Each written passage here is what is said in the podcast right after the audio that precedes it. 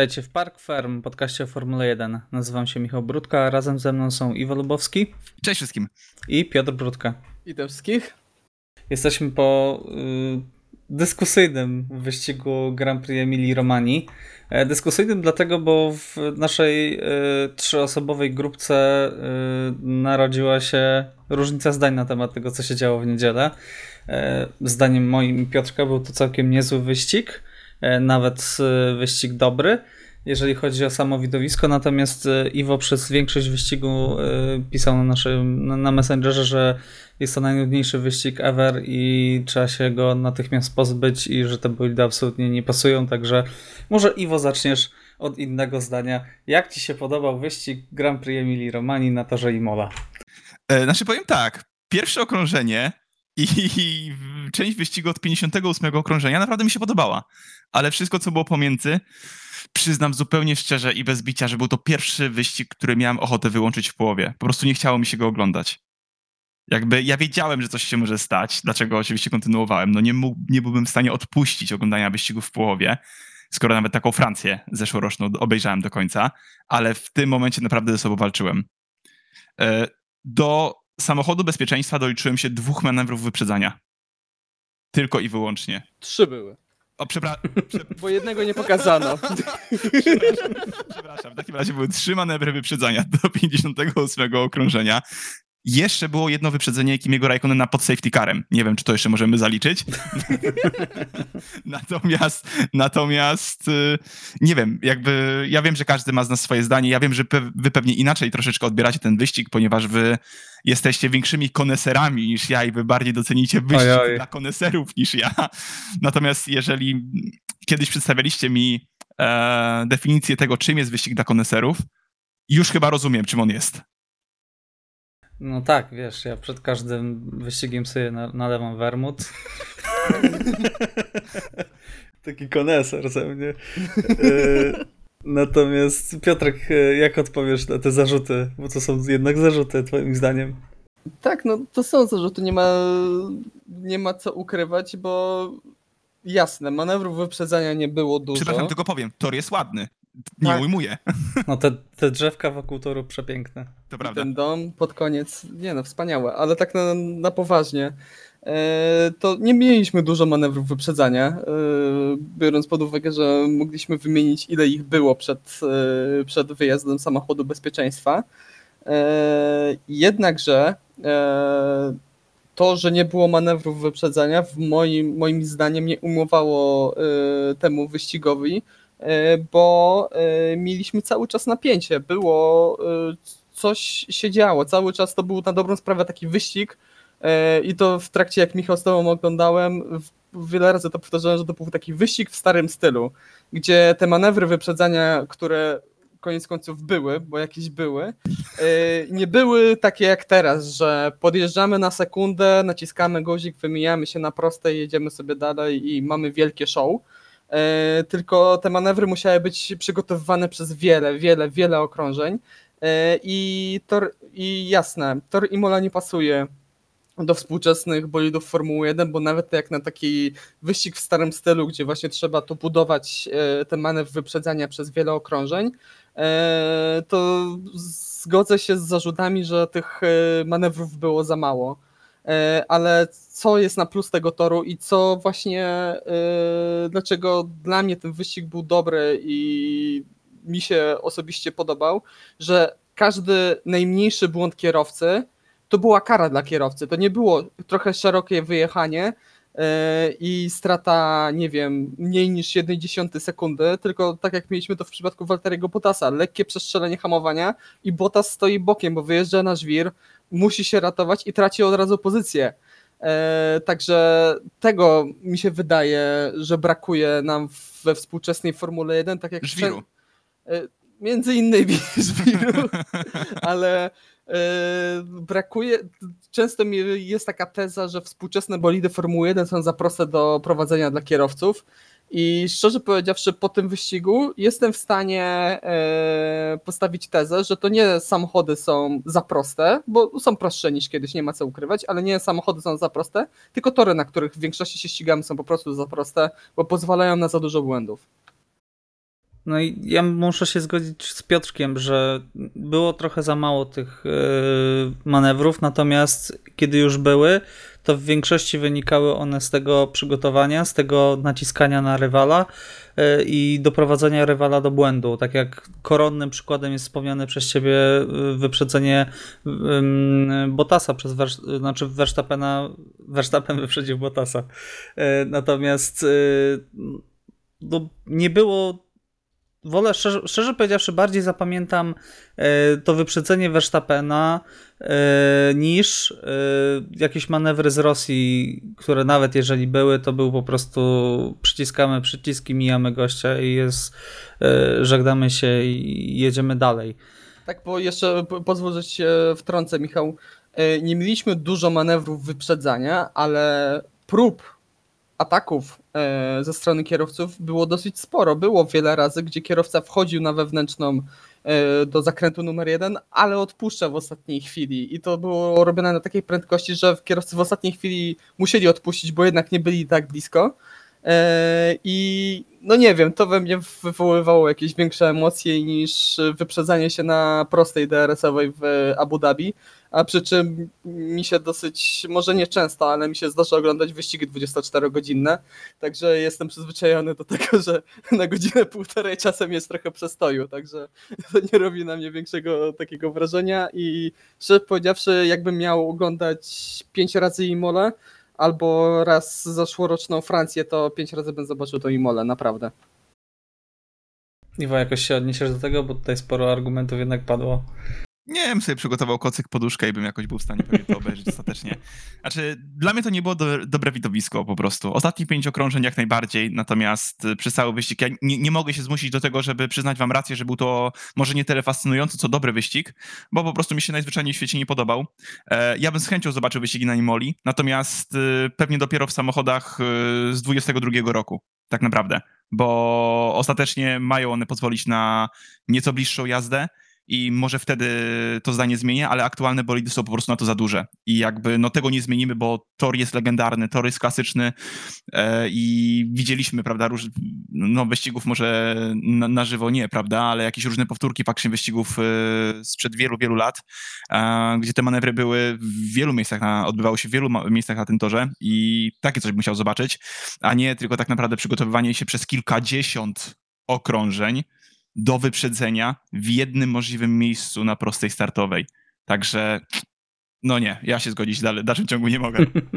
No, okay. Znaczy generalnie na Imoli nigdy tak dużych, wiele manewrów wyprzedzania nie było, no chociażby ten pojedynek, o którym mówiłem przed tym wyścigiem pomiędzy Schumacherem a Alonso, e, to tam nie było walki koło w koło, tylko Schumacher cały czas się tam pojawiał w lusterku, Alonso naciskał, pojawiał się po wewnętrznej, zewnętrznej cały czas, ale tam do takiej walki koło w koło nie dochodziło, bo był podobny problem co teraz, także Imola dużo manewrów wyprzedzania nie, nie zapewnia i też odnośnie takiego starego, starego stylu, że tak powiem, y, mi się też przypomina pojedynek chociażby y, Roberta Kubicy i Heikiego Kowalajnena y, na SPA, nie wiem Michał, czy pamiętasz?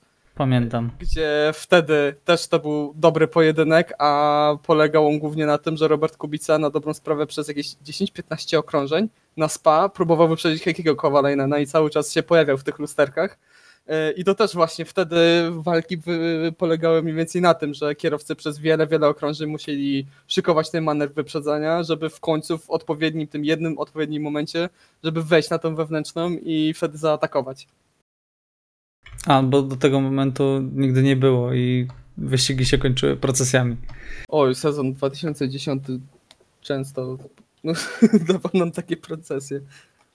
E, Okej, okay. E, to przejdźmy może dalej do tego, co się bezpośrednio podczas wyścigu działo, e, bo jednak trochę rzeczy się działo e, i no, główną taką wiadomością, e, którą wyciągniemy z tego weekendu jest to, że Mercedes znowu to zrobił. E, mówię to absolutnie bez żadnego entuzjazmu, natomiast na pewno należy się no, ogromna, ogromny szacunek Mercedesowi, bo e, po raz pierwszy w historii zdobył siódmy tytuł z rzędu. Są absolutnie najlepszym zespołem ery hybrydowej, są w tej erze hybrydowej niepokonani cały czas. E, natomiast e, czy, moje pytanie, czy, czy można już określić, że e, Mercedes to najlepszy zespół w historii tego sportu? Bo ich dominacja jest naprawdę no, bezprecedensowa. Piotrek, jakbyś to ocenił? Tak, mi się wydaje, że w pełni możemy, na spokojnie możemy powiedzieć, że Mercedes to w erze hybrydowej to najlepszy zespół w historii całej Formuły 1. No, same statystyki o tym mówią. E, Formuła 1 dała taką ciekawą grafikę, właśnie porównywanie tych sześciu wygranych sezonów e, Ferrari i siedmiu wygranych sezonów Mercedesa. E, I co mnie najbardziej zszokowało, generalnie procenty Mercedesa są no, przytłaczające. No, procent zwycięstw w sferze hybrydowej to jest 74% wygranych wyścigów Mercedesa. Ferrari przez te 6 lat miało 62%. Jeżeli chodzi o podia, 75% Mercedes, 66% e, Ferrari. No i teraz statystyka, która naprawdę mnie mocno szokowała. Ferrari przez te swoje 6 lat dominacji, e, jak to się często mówi, 53% wygranych pole position, e, Mercedes 80% to pokazuje, że Mercedes nieprzerwanie przez te 7 lat ma po prostu sezon w sezon najlepszy samochód. Na początku to usprawiedliwialiśmy, można powiedzieć, e, najlepszym silnikiem. No później ten. Testami opon. Testami opon. E, oczywiście bardzo dużo im dodało. Ich jednostka napędowa nadal mi się wydaje, że on jest to najlepszy pakiet i zawsze był najlepszym pakietem. No oprócz e... zeszłego roku, ale Ferrari miał po prostu nielegalny silnik wtedy. Tak, dokładnie. E, najlepszy legalny pakiet w stawce przez te 7 lat. No i co tu dużo powiedzieć, no zawsze biorąc pod uwagę każdy jeden sezon, na przestrzeni całego sezonu Mercedes ma najlepszy e, samochód od 7 lat. Ja mam szczerą, szczerą nadzieję, że nikt tych rekordów nigdy nie pobije. Już nie będziemy mieli tak długiej dominacji jednego zespołu nigdy. Mam taką szczerą nadzieję, że już się nie powtórzy. No jeszcze przyszły rok mają. E, tak, także... no, no, zapewne w przyszłym roku będzie, będzie ten ósmy tytuł, pewnie procentowo to podbiją jeszcze mocniej, bo jeżeli wiadomo, że e, nie będzie dużego rozwoju bolidów e, w stosunku do tego sezonu, także będzie ciekawie. Okej, okay. no na pewno trzeba też docenić to, że jest takie powiedzenie, że, w sporcie bardzo ciężko jest wejść na szczyt, natomiast na tym szczycie się utrzymać jest dużo trudniej. Tak, dokładnie. No, y, Niki Lauda i wraz z Toto Wolfem stworzyli potwora. Po prostu stworzyli potwora, stworzyli y, najlepszy zespół w historii motorsportu. I to można powiedzieć zarówno w historii, jeżeli chodzi o wyścigi, jak i rajdy, wydaje mi się, że nie ma lepszego zespołu w całej historii. Okej, okay. Iwo, jak się do tego odniesiesz? Zgadzasz się tutaj z Piotrkiem? No, zgadzam się. Zgadzam się przede wszystkim dlatego, że no tutaj ta statystyka, którą Piotrek przytoczył, potwierdza tak naprawdę dosłownie czarnym na białym pełną dominację Mercedesa. Eee, I mam tak samo szczerą nadzieję, po prostu, to jest moje jedyne życzenie, że nikt nigdy tego rekordu nie pobije. Ja z chęcią przyjmę, że tak powiem, na klatę to, że Mercedes będzie najlepszym zespołem, że Lewis Hamilton pozostanie najbardziej utytułowanym kierowcą w przyszłym roku prawdopodobnie i przełknę to, jasne, tylko nie chcę nigdy więcej, żeby ktoś po ten rekord, się, żeby ktokolwiek do tego rekordu się zbliżał. O, jednak mam nadzieję, że od 2022 roku doświadczę tego, czego wy mogliście doświadczyć oglądając Formułę lata temu. No od 10 lat mamy dominację jednego zespołu. Mm. Sprawę. Mamy na początku Red 2012 rok. Znaczy no tak, no dominacja Mercedesa jest o wiele bardziej yy, o wiele bardziej mocna, że tak powiem, o wiele bardziej odjeżdża innym zespołom niż Red Bull odjeżdżał, co wtedy było ciężkie do pomyślenia, ale no na początku mamy 4 lata Red Bulla, teraz mamy 7 lat Mercedesa no, no dobrze, no ale w latach 80. i 90. mieliśmy y, lata, w których dominował McLaren, dominował Williams. Nie przez tyle lat. Hello. No o, tak, oczywiście, ale no, praktycznie zawsze był jakiś, y, jeżeli nie bardzo dominują, no, dominujący zespół, prawie zawsze. Y, zdarzały się sezony oczywiście, w których ta rywalizacja była bardzo wyrównana i takie sezony chyba najlepiej pamiętamy. Natomiast no, nawet w 2009 roku była dominacja Brown GP przez pierwszą część sezonu, tak? E, 2008, no ogólnie lata 2007-2008 to chyba najbardziej wyrównane, bo była walka e, Ferrari z McLarenem i oni się tam bardzo mocno tasowali. No tak, ale w 2009 roku teoretycznie przyglądałeś się e, dominacji nowego zespołu, można tak powiedzieć, prawda? Innego zespołu. Także to też było, domyślam się, coś innego oglądając w tamtym czasie. To było zaskoczenie, ale po dwóch wyścigach powiem ci, że to Znudziło się. No, no trochę tak jak Mercedes w tym roku. No, przez pierwszą połowę sezonu 2010 Brown GB po prostu zdominował, zmiótł całą stawkę. 2009, Tak, y, a który powiedziałem? 10. Oj, przepraszam, 2009. E, no to, to to nie było wielkie wtedy widowisko. Okej, dobrze. E, przejdźmy dalej. E, Dane Ricciardo po raz kolejny na podium. Jak sądzicie, będzie drugi tatuaż? Czy jeden wystarczy? Prawie na podium. A Dani Ricciardo, Boże, myślałem, że mówisz o kwiacie. Nie, będzie Już, jeden. już od... Jeden ta, ta, tatuaż. Piotrek też stawiasz na jeden? No tak, już było powiedziane, chyba nawet Cyril przez radio powiedział, albo w wywiadach po tym, że jeden wystarczy i następnego nie będzie. No na pewno fajnie, że Daniel Ricciardo znowu na podium. E, Ja cały czas e, mi się pojawia to pytanie w głowie, czy Daniel Ricciardo się nie pospieszył z odejściem z Renault. E, Wiesz co, widziałem nawet dzisiaj e, jakiegoś tweeta, chyba pani Aldony Marciniak, e, która mówiła, że kariera Daniego Ricciardo zaczyna jej coraz bardziej przypominać karierę Fernando Alonso. No z tym wyjątkiem, że Daniel Ricciardo nie pali za sobą mostów. No skąd wiesz? No, znaczy, No spójrz na niego. powiem tak, Alonso zostawiał zespół, zespół skłócony ze sobą w środku. Red Bull raczej taki mocno skłócony w środku nie był, chociaż tam też było dosyć gęsta atmosfera, eee, ale tutaj w Renault nie widzę, żeby to było jakieś e, strasznie... e, No dwa razy stanął na podium. Żeby, no właśnie, no zespół idzie mimo wszystko cały czas do góry, no biorąc pod uwagę, nie wiem, jak Alonso opuszczał Ferrari sezon 2014, no Ciekaw jestem, czy byłaby możliwość dołączenia Alonso do Renault w momencie, kiedy Daniel Ricciardo by został i Alonso zastąpiłby Okona. To bym chciał zobaczyć. Faktycznie. No, to, by To byłby niesamowity. To by był niesamowity pojedynek. Stary wyjadacz, który nadal jest uważany za jednego z najszybszych kierowców i gościa, który jest uważany za jednego z najszybszych kierowców. I na pewno nim jest.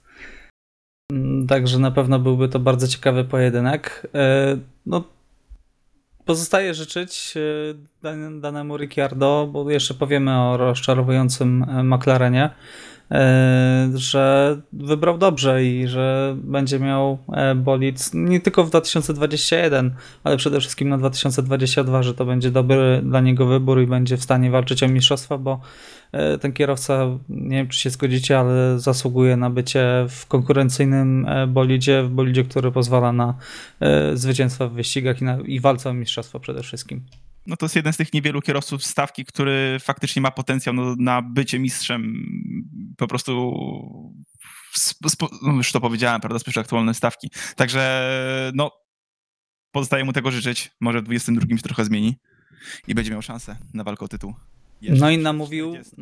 namówił, znaczy namówił, Hamilton sam się zgłosił po Szui, także to absolutnie wyjątkowy obrazek był ten grymas Hamiltona po wypiciu tego szampana. minę, dokładnie, chciałem powiedzieć. On kilka lat temu, nie pamiętam, czy to było dwa, dwa lata temu chyba, no bo kiedy to było, kiedy ostatni raz y, było Shui Daniela Ricciardo, e, chyba mówił na którejś z konferencji prasowych, że nie ma szans, żeby spróbował. Tak. No, Hamilton jest znany ze zmieniania zdania, ale tutaj naprawdę To było miłe. to było bardzo miłe. Tutaj naprawdę, tak jak często krytykujemy tutaj za zachowanie Hamiltona, za to, że jest sztuczny, to tutaj naprawdę widać było, że to było takie naturalne yy, i, i sam naprawdę z dużym uśmiechem to oglądałem. O dziwo. Także yy, jeszcze odnośnie Daniela Ricciardo, to zdecydowanie się z wami zgodzę, że to jest e, kierowca, który w samochodzie, który e, dałby mu szansę na rywalizowanie o Mistrzostwo Świata, to wyłączając z całej tej puli Louisa Hamiltona, to moim zdaniem e, Daniel Ricciardo ma, jest najbardziej pełnym kierowcą w stawce aktualnie. Z tym doświadczeniem, prawda? Tak, z tym doświadczeniem, umiejętnościami. z e, tym opanowaniem, jakie potrafi po, zaprezentować w naprawdę takiej gorącej walce. E, No i ze swoim po prostu naturalnym tempem, z talentem, jaki prezentuje, to naprawdę mi się zdaje, że pomijając Louisa Hamiltona, e, to Daniel Ricciardo ma taki, jest najbardziej pełnym kierowcą w stawce ak- aktualnie.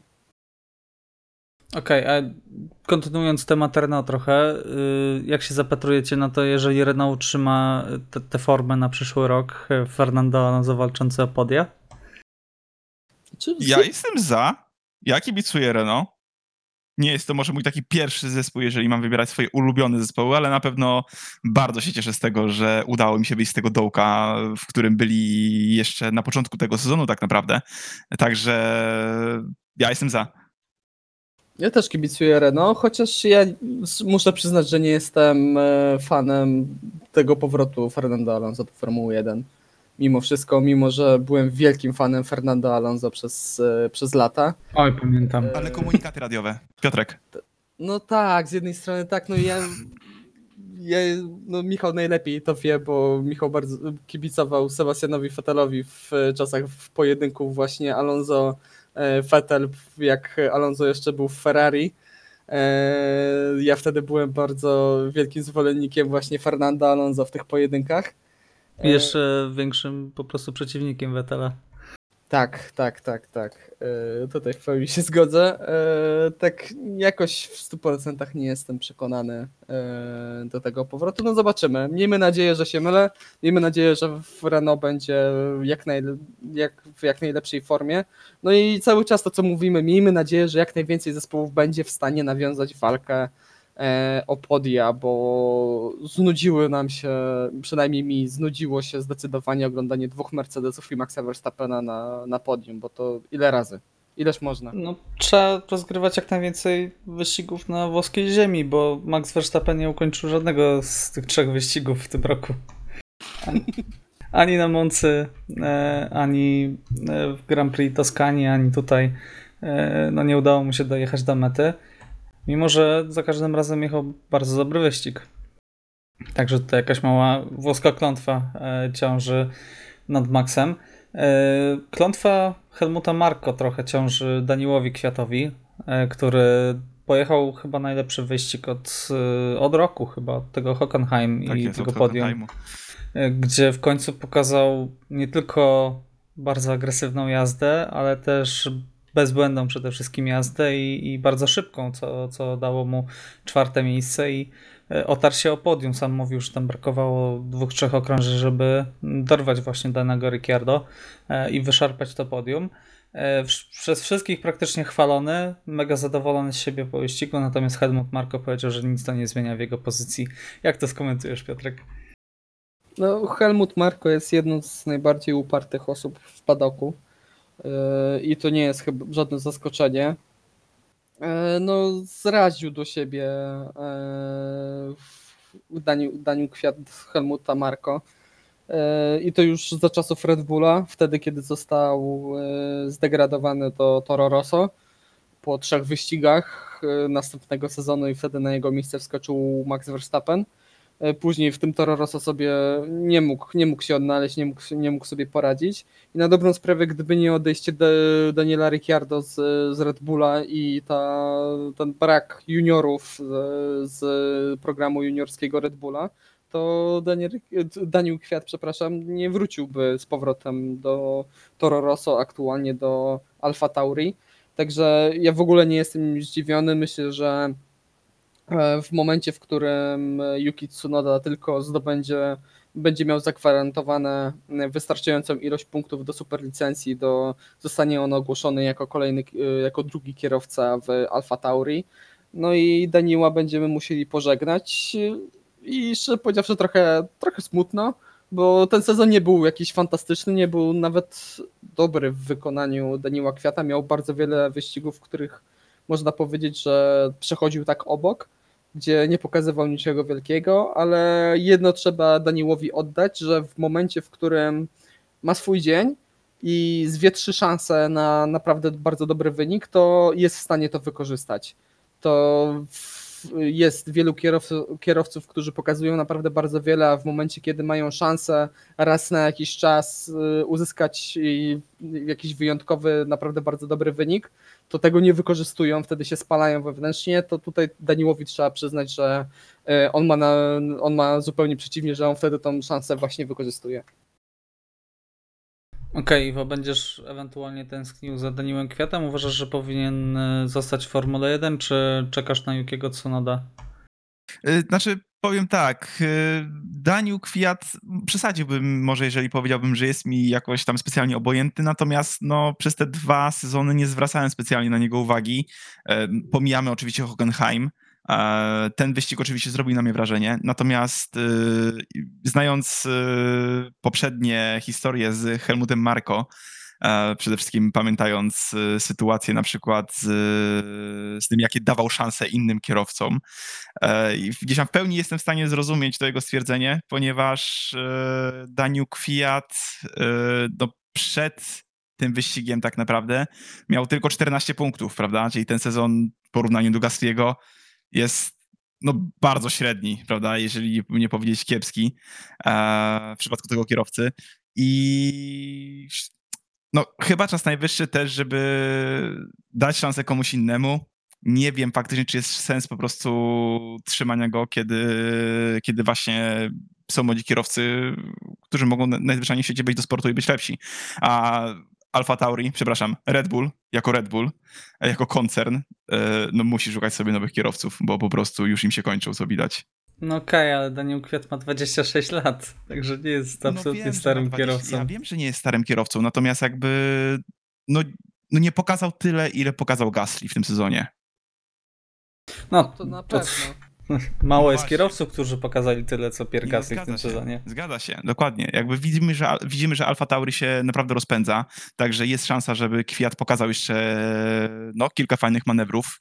Mam nadzieję, że przynajmniej tak dobre jak te po restarcie a, w, w ostatnim wyścigu. Ale no, sami powiedzieliście, no ten sezon nie był specjalnie dobry w, wykonaniu, w jego wykonaniu, nie był specjalnie udany. Po zeszłorocznym sezonie tak naprawdę też, też pamiętamy go głównie z Hockenheimu. I jakby to wszystko. Takie pojedyncze przebłyski. Dokładnie, no, Dan- dokładnie.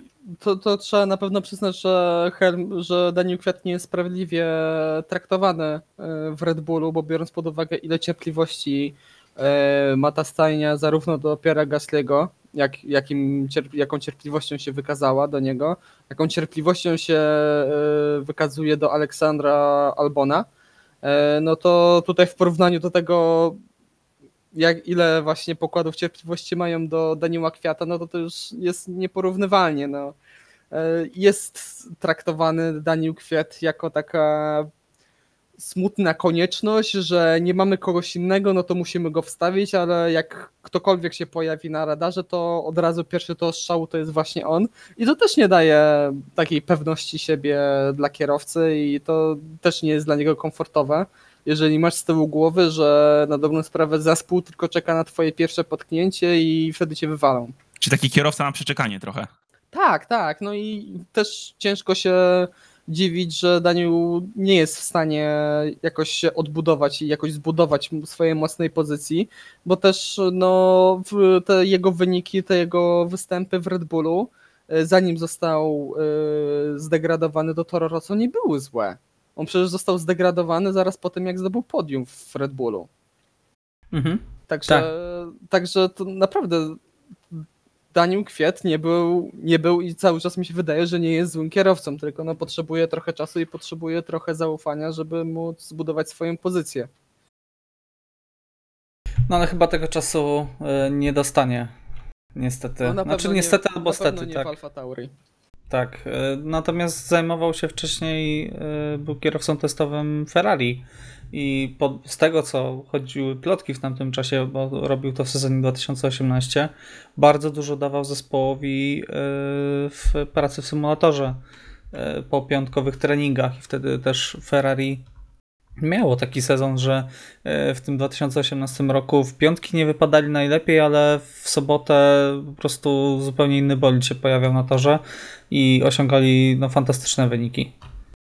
Tak, a w momencie, w którym Daniel odszedł e, z symulatora Ferrari, zaczęły głosy, że Ferrari ma problem z symulatorem, także rzeczywiście Tak. coś, tu jest.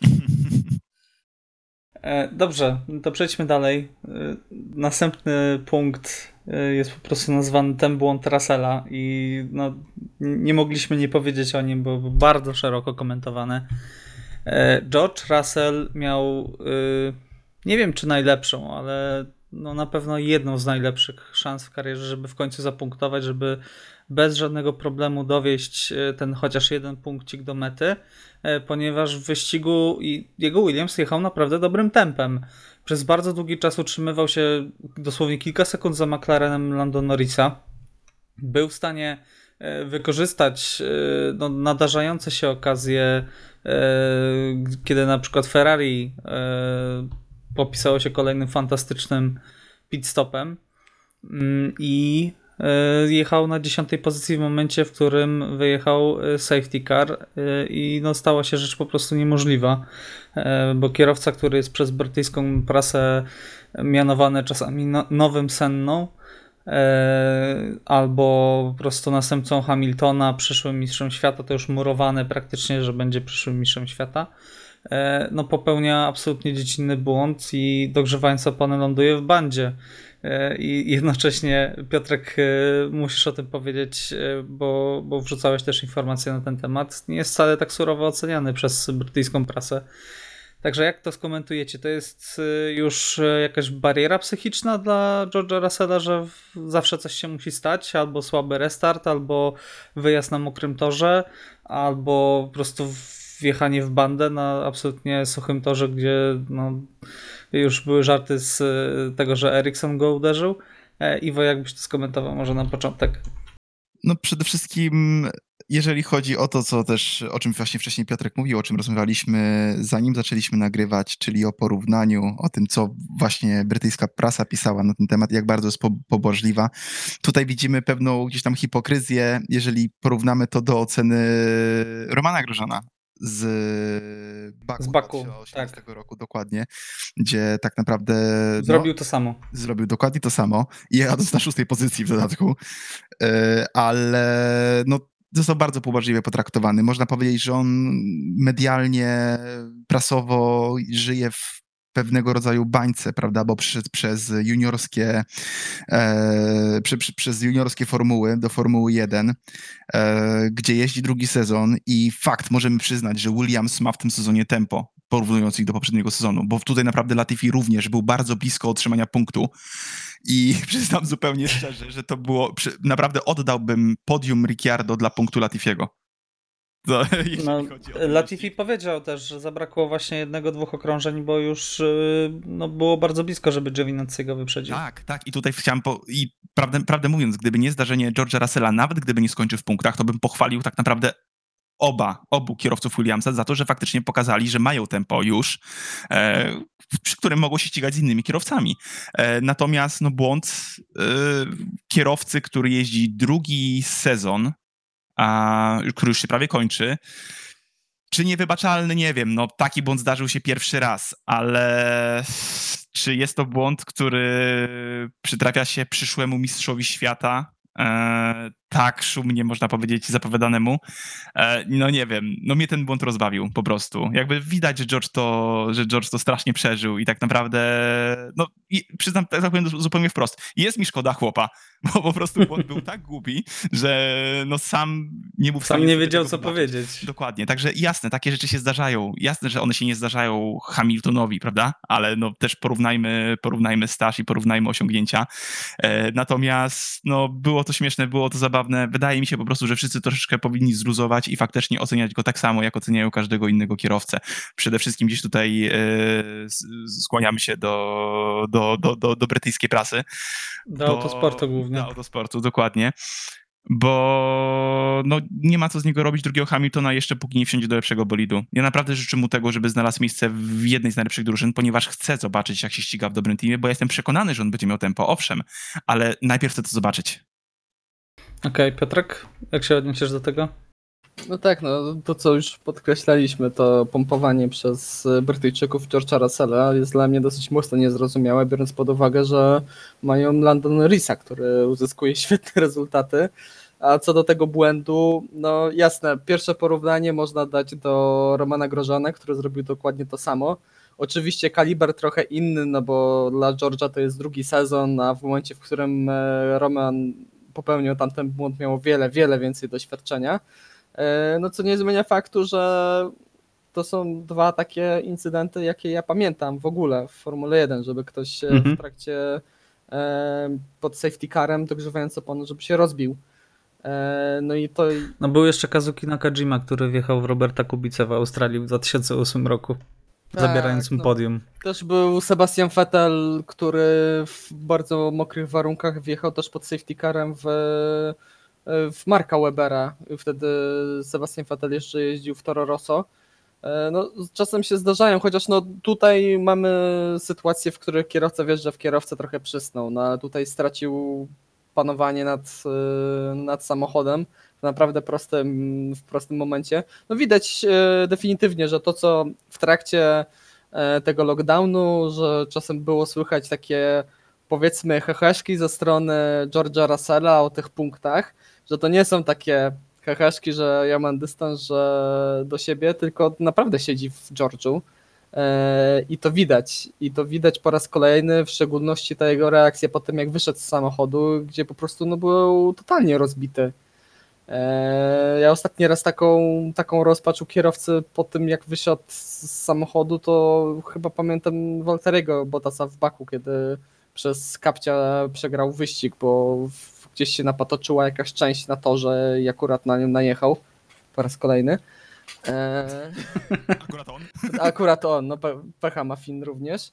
E, ale no George, widać, że George generalnie w soboty trochę nie dowozi. Tak jak w, sob- e, w niedzielę. Znaczy, niedzielę nie dowozi. niedzielę nie dowozi. Tak jak w soboty naprawdę jest e, świetny.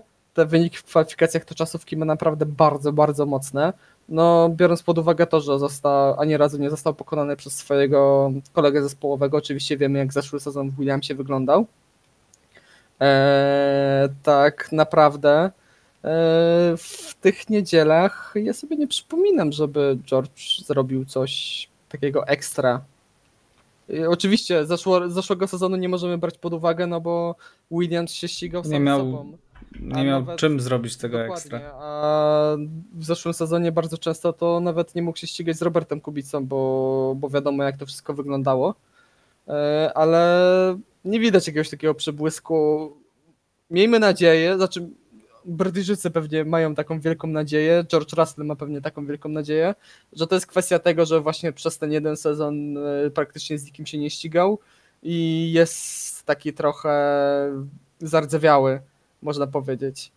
E, No ale lepszy zespół, jeżeli dostanie się do lepszego zespołu, to go zweryfikuje, ale to już kolejny raz, już trzeci raz co najmniej, e, kiedy ma szansę zdobyć punkty, popełnia błąd totalnie niewymuszony przez kogokolwiek, e, a jego kolega zespołowy w tym samym wyścigu uzyskuje naprawdę świetny rezultat. W zeszłym sezonie był to Robert Kubica, który zdobył ten jeden punkt. W tym wyścigu George Russell mógł zdobyć dwa punkty, jakby się utrzymał przed Kimim Raikkonenem.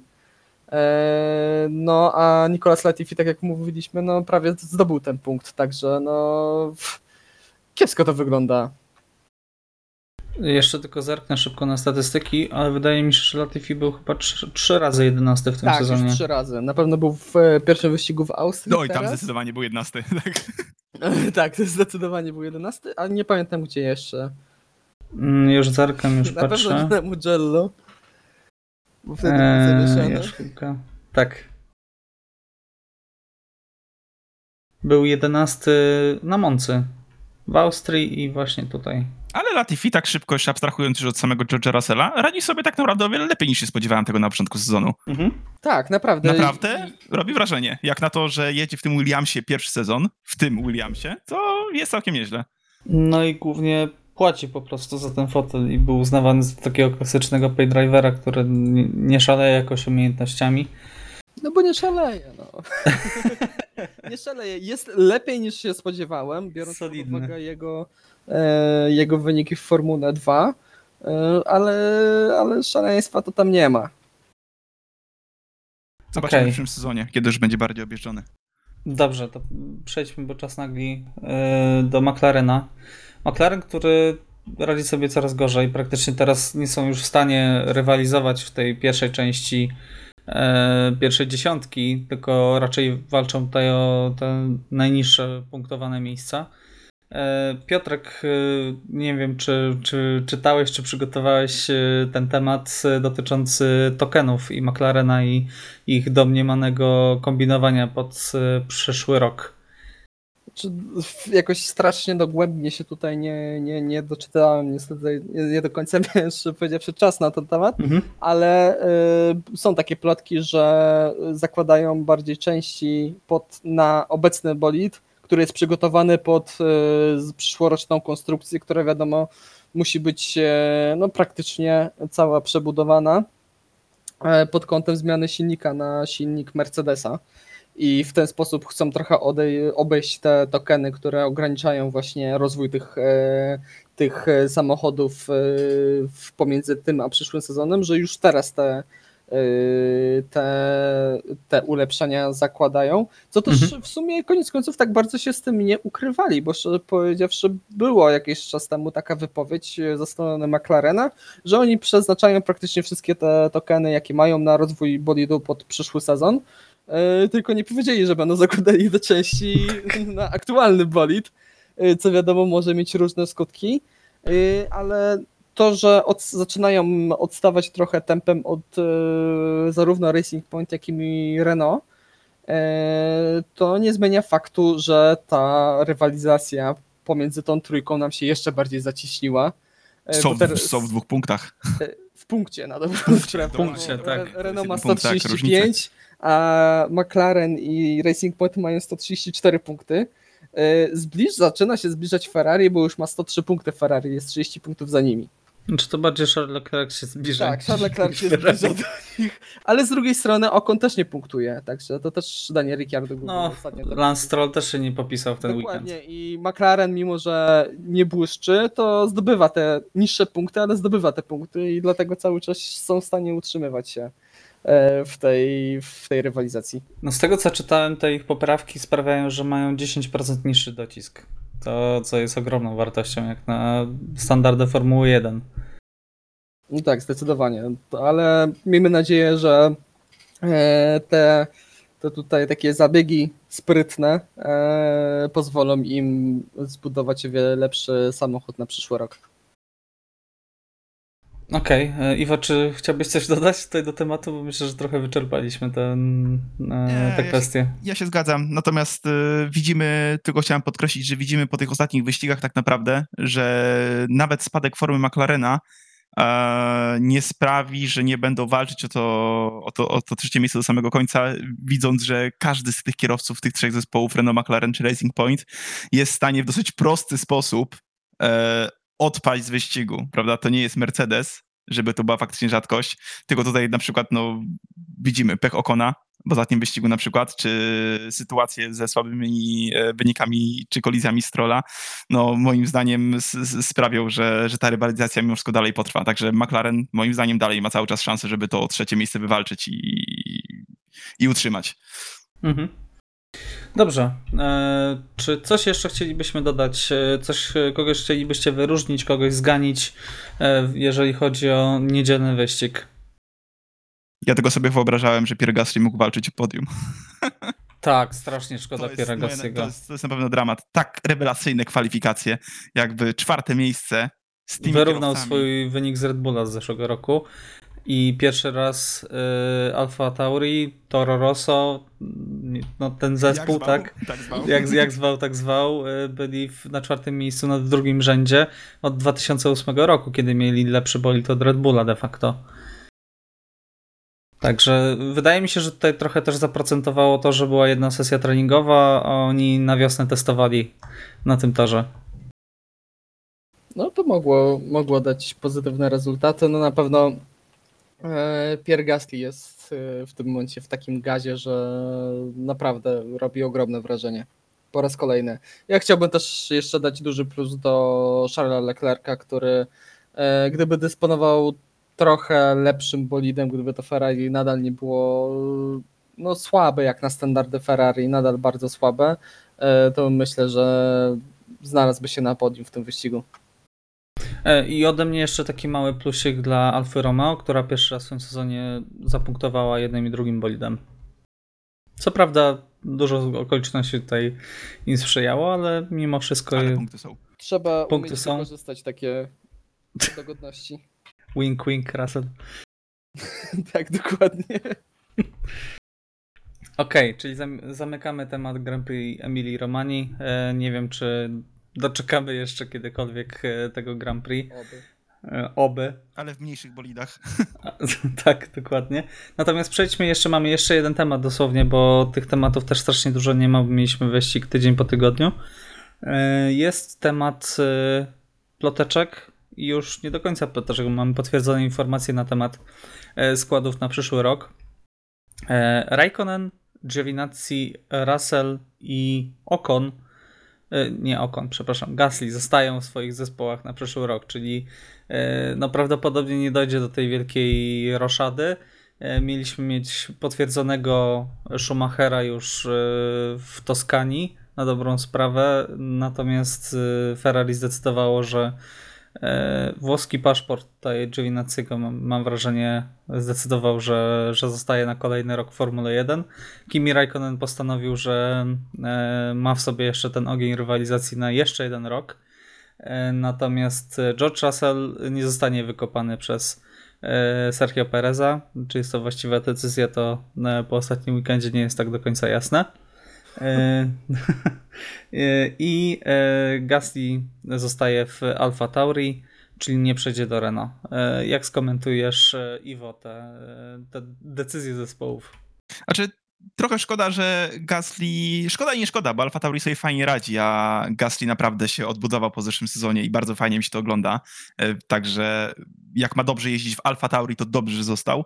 Natomiast liczyłem trochę, że faktycznie przysiądzie się do lepszego bolidu i gdzieś to Renault z tyłu głowy mi się działo. Rywalizacja między nim a Fernando Alonso byłaby na pewno bardzo ciekawa. No ale teraz gdzieś tam to może zostać w sferze jakiejś tam fantazji formułowych.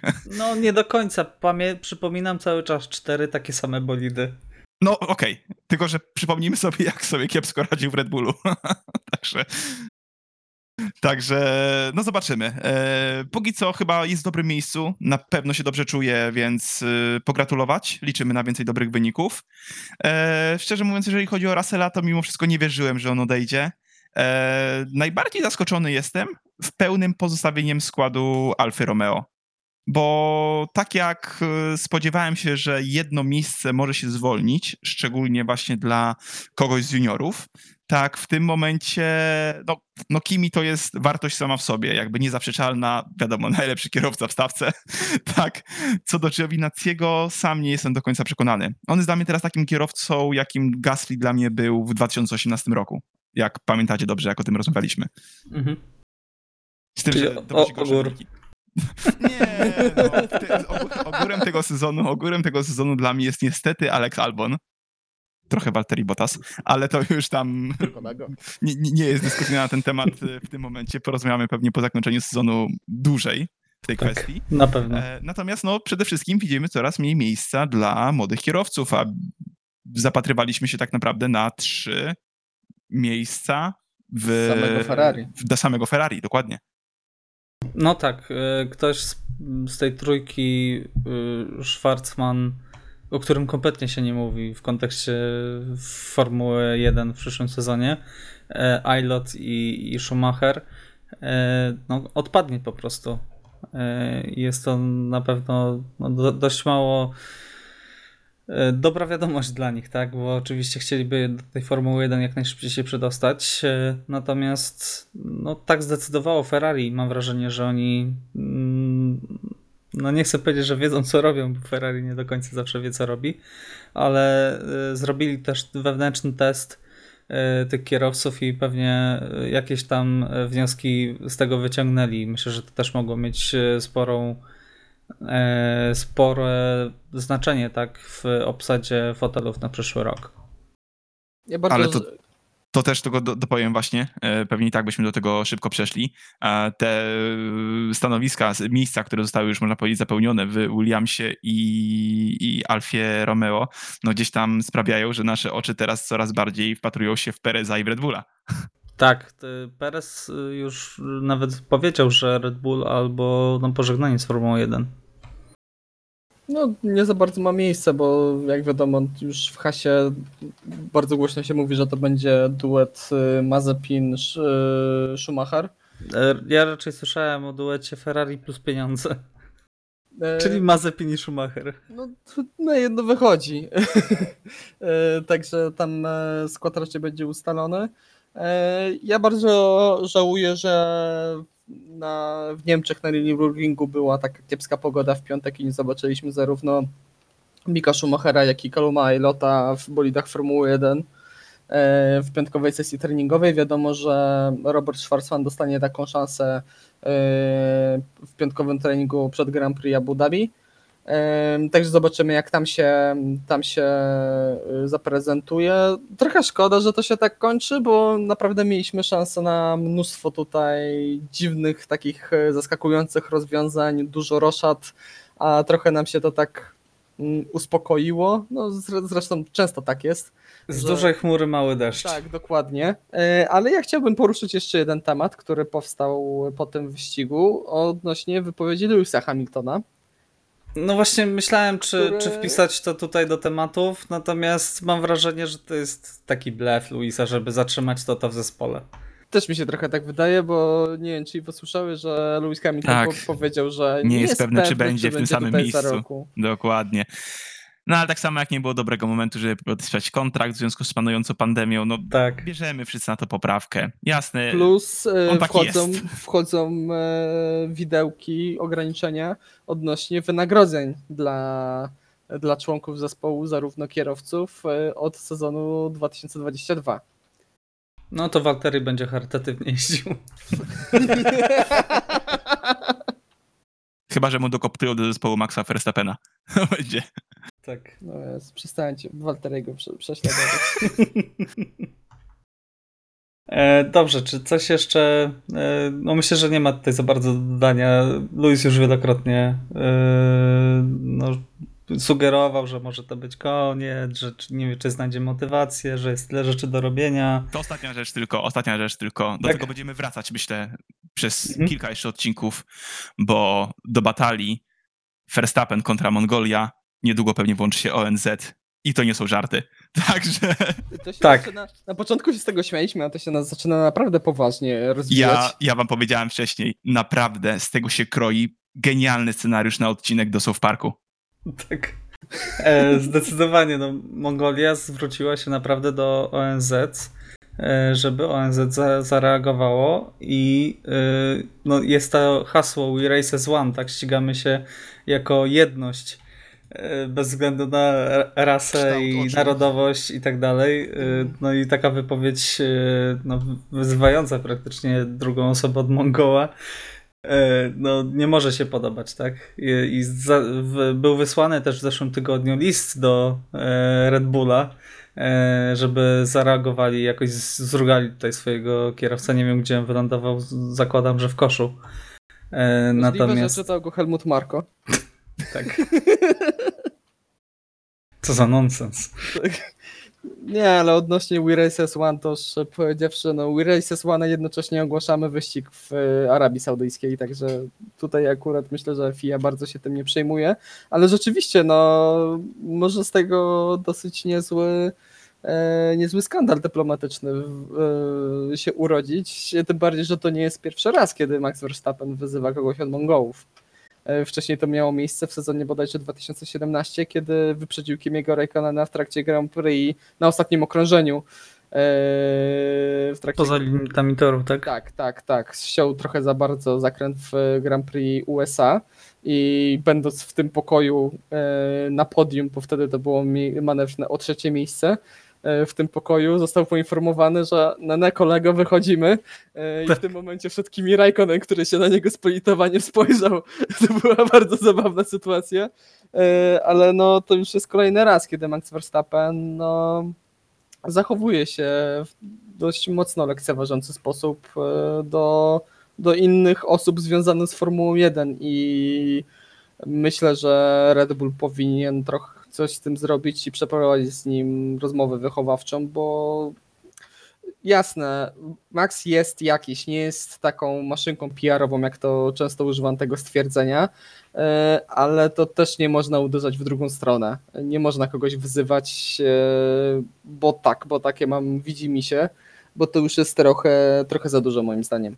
Słyszałem wbrew takie, czytałem o takich porównaniach tak naprawdę, że najbliżej mu jest, jeżeli chodzi o sposób wypowiedzi do, pod kątem bezpośredniości do Kimiego Raikkonena niż do innych kierowców. Nie, ja bym bardziej.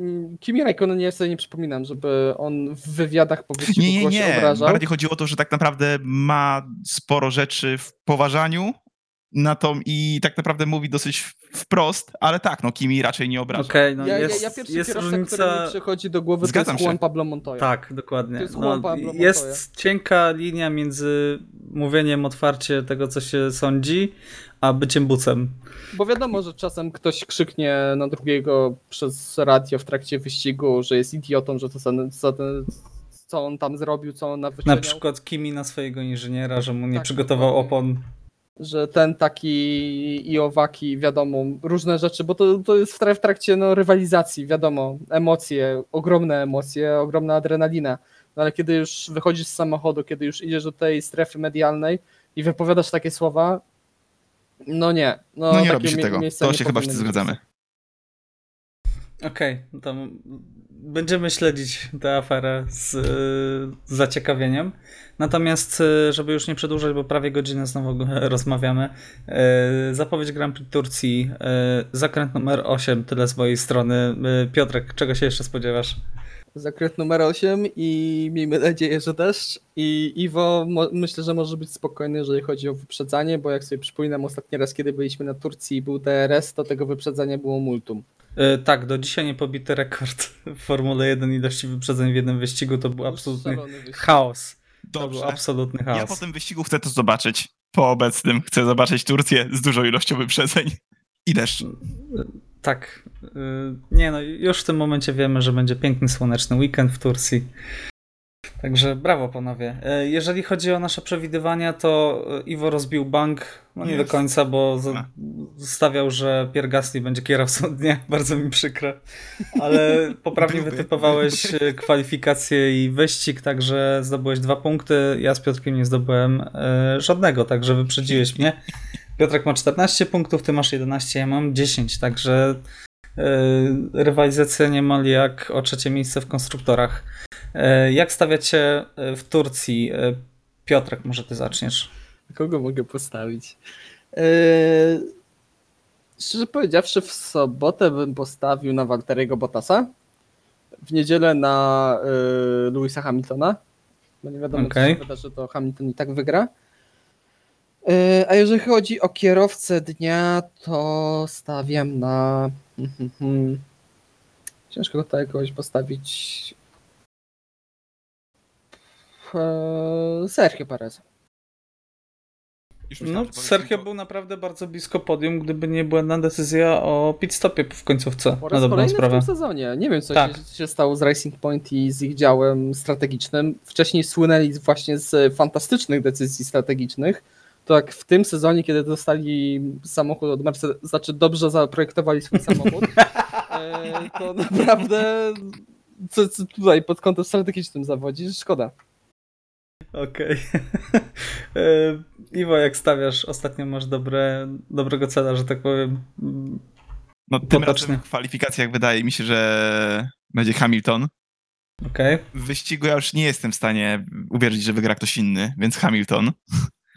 Jeżeli chodzi natomiast o kierowcę dnia, postawię w tym momencie na Charlesa Leclerca. A co?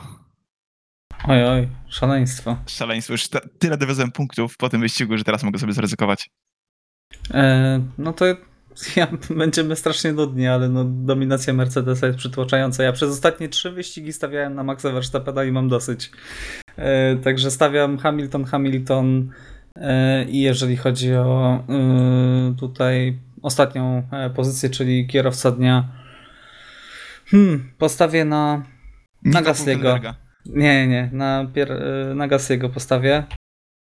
Liczę na kolejny dobry wyścig Alfa Tauri e, i na kolejny e, dobry wyścig Piera. E, Dobrze, myślę, że e, z naszej strony to wszystko. Dziękujemy Wam bardzo za uwagę. Jeżeli macie do nas jakieś pytania, e, to piszcie na parkfermę13 małpa e, gmail.com. E, I słyszymy się za dwa tygodnie e, po e, Grand Prix Turcji. Mamy nadzieję, że to będzie e, mega ciekawy wyścig i że bolidy będą po prostu frunąć po zakręcie numer 8. E, O Grand Prix Emilii Romani e, i roszadach transferowych rozmawiali Iwo Lobowski, Dzięki, do usłyszenia. Piotrek Brudka Dziękuję bardzo. i Michał Brudka. Trzymajcie się, cześć.